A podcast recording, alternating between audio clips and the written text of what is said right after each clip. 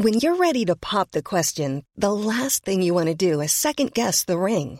At Bluenile.com you can design a one-of-a-kind ring with the ease and convenience of shopping online. Choose your diamond and setting. When you find the one, you'll get it delivered right to your door. Go to Bluenile.com and use promo code LISTEN to get $50 off your purchase of $500 or more. That's code LISTEN at Bluenile.com for $50 off your purchase. Bluenile.com code LISTEN. Hiring for your small business? If you're not looking for professionals on LinkedIn, you're looking in the wrong place. That's like looking for your car keys in a fish tank.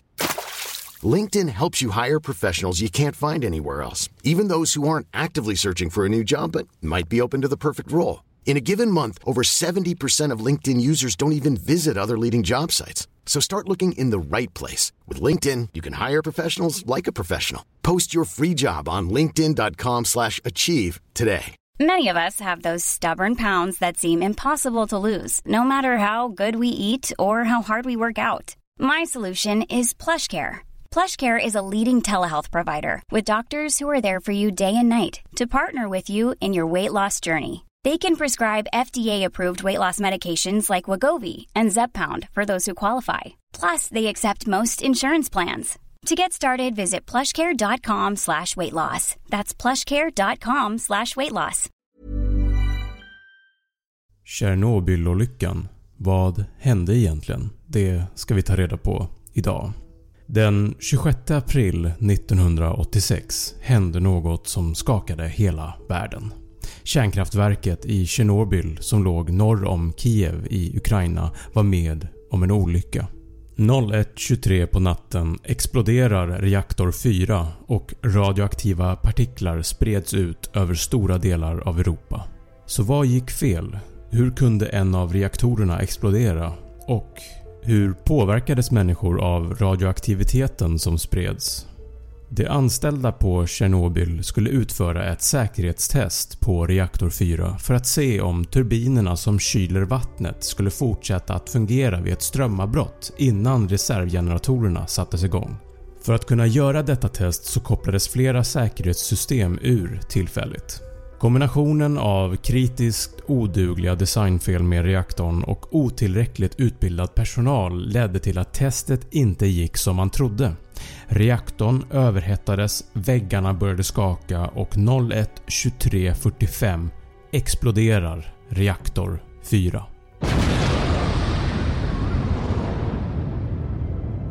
En stor brand utbröt i reaktor 4 och 01.45 anlände brandmän till platsen för att försöka släcka branden. På plats såg brandmännen att det låg någonting utspritt över marken. En av brandmännen plockade upp en bit, den var svart och väldigt varm. Vad han inte visste var att han höll i något som kallas för grafit. En mineral som används inne i reaktorn. Brandmännen hade ingen aning om vilken fara de utsatte sig själva för. Prioriteten var att släcka branden i reaktorn och klockan 5 på morgonen så hade man lyckats släcka branden på taket till byggnaden men reaktor 4 fortsatte att brinna. Desperata försök att släcka branden med en helikopter genomfördes genom att flera helikoptrar flög över reaktorn och släppte ner över 5000 ton sand, bly, lera och andra ämnen för att försöka släcka branden. Det tog 10 dagar innan branden släcktes och under de 10 dagarna sprutade reaktorn ut radioaktivitet i luften. Vittnen har rapporterat att man kunde känna en metallsmak i luften och att det var som att det stack och kliade i ansiktet. Och det är nu som vi måste prata om hur farligt radioaktiv strålning är.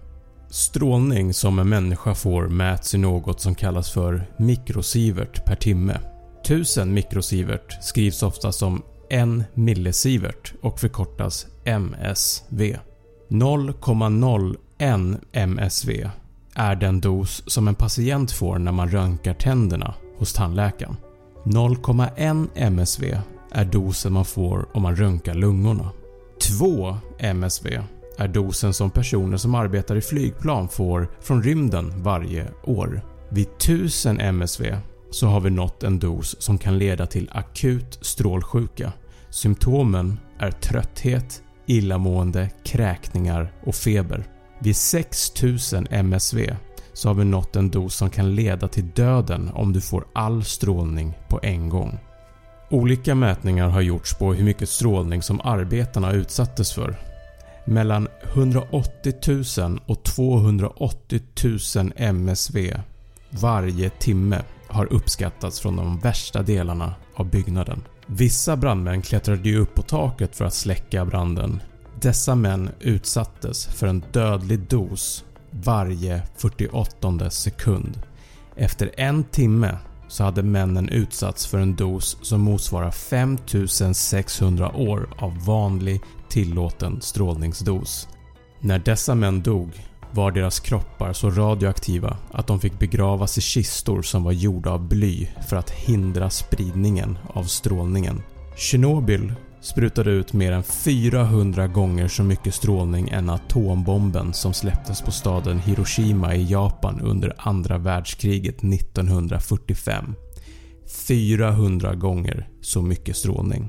Tjernobyl är den värsta kärnkraftsolyckan som någonsin har hänt.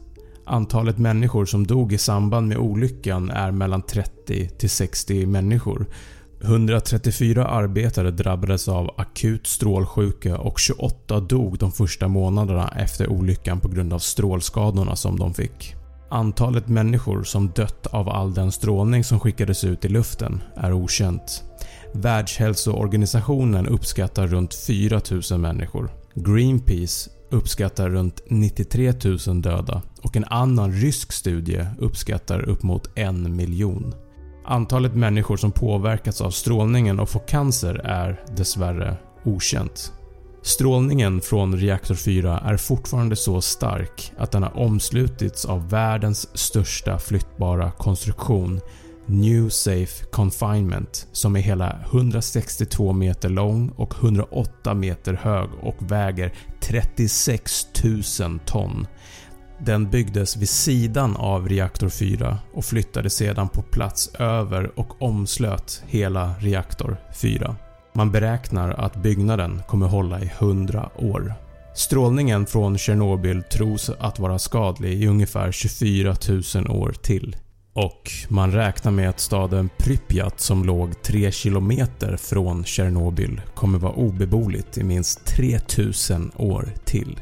Numera går det att besöka området runt Tjernobyl. Dock måste man gå med en guide och det är absolut förbjudet att komma närmare än 300 meter från reaktor 4. Jag hoppas att du tyckte att det här var intressant. Snabb fakta finns även som en YouTube-kanal där du kan se alla avsnitt med rörlig bild. Tack för att du har lyssnat!